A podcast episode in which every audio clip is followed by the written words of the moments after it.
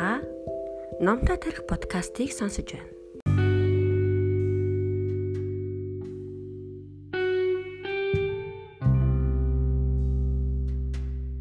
Сайн бацхан уу? Алтан дээл Карнегийн номын 1-р дэвтэр 2-р хэсгийн 4-р бүлэг сайн ярилцагч болох амархан арга. Саяхан би бриж тоглодог нэгэн үдшилтэд төрөгцсөн юм. Би хувьдаа хүзэр тоглодоггүй л дээ. Тэнд мөн над чи хүзэр тоглодоггүй нэг юм ихтэй байв. Тэрээр намайг Ловел Томсын менежер байхдаа түүнийг дагалдаж Европоор их айлсан гэж мэдээд ноён Карнеги танаас явсан газар орныхоо тухай ярьж өгөөч гэж хүсгэсэн юм хэмээнгүй. Бидний буудан дээр сумгс тэр эмэгтэй саяхан нөхөртөөгөө Африкаас ирсэн тухайгаа хэлв. Би Африк гинэ ямар сони юм бэ? Би Африкийг үз хүсэлдээ ямар ч чадаж байдаг боловч ганц удаал Алжирт нэг өдөр өнгөрөх аз таарсан юм. Та битүү шугууд очсон уу? Та яасан азтай хүн бэ? Ёстой атаархмаар байна. Та надад Африкийн тухай ярьж өгөхгүй юу хэмээн хүсв. Бид хоёр 45 минут ярилцсан билээ. Тэр эмэгтэй миний хаана очиж юу үзсэн тухай сонсохыг хүсээг байж. Харин өөрийнх нь очисон газрын сониныг сонсох хүн л түүнд хэрэгтэй байжээ. Энэ нь гайхалтай гэж үү? Үгүй. Олон хүн иймэрхүү шүү дээ. Жишээ нь би саяхан Нью-Йоркт ном хэвлэгч Гринбергийн үдийн зоогон дээр нэгэн нэрт ургамал судлаачтай тааралдав. Би өмнө нь ургамал судлаач хүнтэй ярьж үзээгүй тул тэрээр их сонирхолтой хүн санагдсан. Ургамал судлалын тухай түүний яриаг би ихэд анхааралтай сонссон. Манайх гэртээ хүлэмжтэй байсан тул түүнтэй холбоотой асуудлуудыг хэрхэн шийдвэрлэх тухай тэрээр надад ярьж өгсөн юм. Миний хэлсэнчлэн бид оройн зоогонд өргөцсөн билээ. Өөр олон зочид байсан боловч би ёс зүг гажууд болон бусад зочныг үл ойшон хідэн цагийн туршид зөвхөн ургамал судлаачтай ярьж өнгөрөв. Намайг хүмүүстэй салахаас гүйцэтгэн гарч одоход аль хэдийн орой болсон байна. Ургамал судлаач гэрийн эзэнт хандан намайг магтжээ. Тэр дундаа хамгийн сонирхолтой ярилцагч гэж өгүүлжээ. Сонирхолтой ярилцагч нь би юу? Яагаад? Би бараг юу ч яриаггүй шүү дээ. Ярианы сэдвийг өөрчлөөгүй нөхцөлд би хүссэн ч юу ч хэлж чадахгүй байв. Учир нь би урмал судлалын талаар оцсон шувууны биеийн бүтцээс илүү зүйл мэдэхгүй шүү дээ. Гэвч би их л сонирхон сонссон. Надад үнэхээр сонирхолтой байсан тул би хичээнгүйлэн сонссон хэрэг. Ургамал судлаач үүнийг мэдэрч байв. Мэдээж хэрэг энэ нь түүнд таалагдлаа шүү дээ. Анхаарал шиг найрсаг зүйл хаан байх вэ? Би анхааралтай сонсоо зогсоогүй ямагт дэмжиж сайшааж байв. Би түүнтэй ярилцсандаа сэтгэл ихэд ханамжтай байгаагаа илэрхийлсэн юм. Үнэхээр ч тийм байлаа. Тэрчлэн түүний мэдэж байгаа шиг их зүйлийг мэдгсэн. Түүнтэй хамт дуртаяа хээр талаар хэсүүчлэгсэн гэж хүсэж байгаагаа хэлсэн юм. Эцэст нь дахин уулзах хүслээ илэрхийлв. Үнэн хэрэгтээ би анхааралтай сонсогч байж түүний яриаг дэмжиж байсан боловч тэр намайг сонирхолтой ярилцагч гэсэн юм да ажил хэргийн үр дүнтэй ярианы нууц юунд байна вэ? Ямар ч нууц энд байхгүй. Зөвхөн ярьж байгаа хүнд онцгой анхааралтай хандах нь бүхнээс чухал.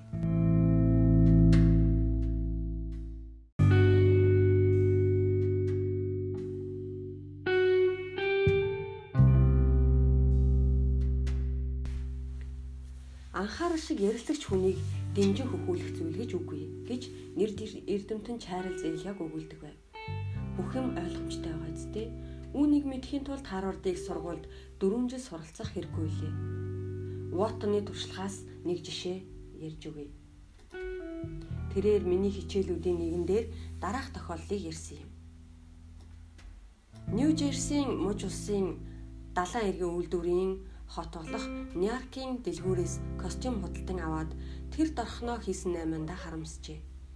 Уг костюм цамцны захыг будаг болгосон тул костюмыг буцааж дэлгүүрт авчран худалдагчийг олж энэ тухайгаа түүнд ярьжээ. Би ярьжээ гэж хэлчихүү дээ. Уучлаарай. Би хэтрүүлж гэж тэрээр ярихыг хичээсэн боловч чадсангүй. Худалдагч түүний яриаг үргэлж тасалдуулж байв. Бид мянга мянган ийм костюм худалдсан. Энэ бол анхны гомдол гэж худалдагч мэдэгдэв. Түүний ярианы өнгө та худлаа хэлж байна. Та биднийг үтгэхийг оролдож байна. Би танд үзүүлээд өгье гэх аястай байлаа. Эд маргааны үед хоёр дахь худалдагч хурж ирэв. Бүх Түүхэл бараа өнгийн костюм ихэндээ будаг гардаг юм. Яах ч арга алга. Ялангуяа ийм хямд үнэтэй костюм бүрч илүү. Эн чинь бутсан костюм шүү дээ гэхэн тэр. Ноён уутан энэ тухай яриагаа үргэлжлүүлэн миний бүрэгдүү хүрв. Нэг нь миний үгэнд эргэлзэж нөгөө намайг барааны хямдыг харж авсан байна гэсэн утгатай зүйл хэлсэнд миний уур хүрв. Би тэдэнд энэ костюм авч чөтгөр шулам руугаа тонил гэж хэлэхэд бэлэн байв.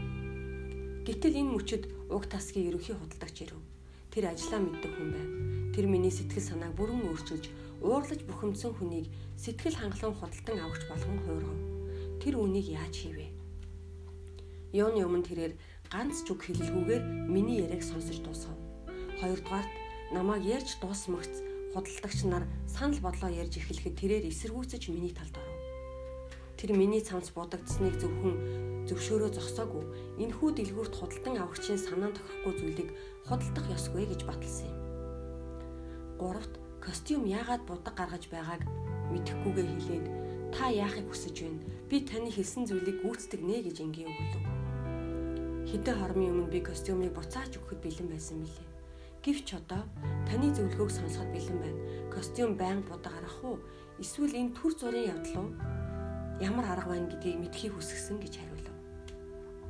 Тэр надад костюмыг дахин 7 хоног өмсөхийг зөвлөв. Хэрв эс тохирвол эргээл аваад ирнэ үү? Таныг эвгүй байдалд оруулсан биднийг уучлах уу гэлээ. Би дэлгүүрээс сэтгэл хангалуун гарч яв. Костюмч 7 хоногийн дараа цамц будхаа болж энэхүү дэлгүүрт итгэх миний итгэл сэргсэн юм. Энэ хүн тасгийн эрхлэгч байсан нь гайхалтай биш ээ. Түүний туслагч нар насан туршдаа жирийн худалдагч байх болно эсвэл тэднийг худалдан авахч нартаа харьцдаггүй тийм ажилд шилжүүлнэ. Хамгийн шамдангүй шүүмжлэгч төсвөртэй чимээгүй сонсож байгаа хүний дэргэд зөөлөрдөг юм. Нэрт хүмүүсээс сурвалжлага авах талаар дэлхийн авраг гэж хэлж болох Айзек Маркосон олон хүмүүс анхааралтай сонсож чаддаггүй учраас аятаа сэтгэгдэл төрүүлж чаддаггүй тухай хэлсэн байдаг.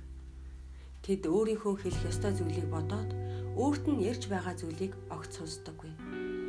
Нэрд гарсан олон хүн сайн ярьдаг хүнээс анхааралтай сонсдог хүнийг илүүд үздэг тухайга надад ярьцгаасан. Гэвч хүмүүс сонсох чадвар бусад чадвараас ховор тохиолддог бололтой. Танаас хүмүүс зайлсхийж таныг байхгүй чоолон инээж тэрч байтугай таныг үзен ядаасай гэж хүсвэл хизээч хэнийг ч удаан сонсох хэрэггүй.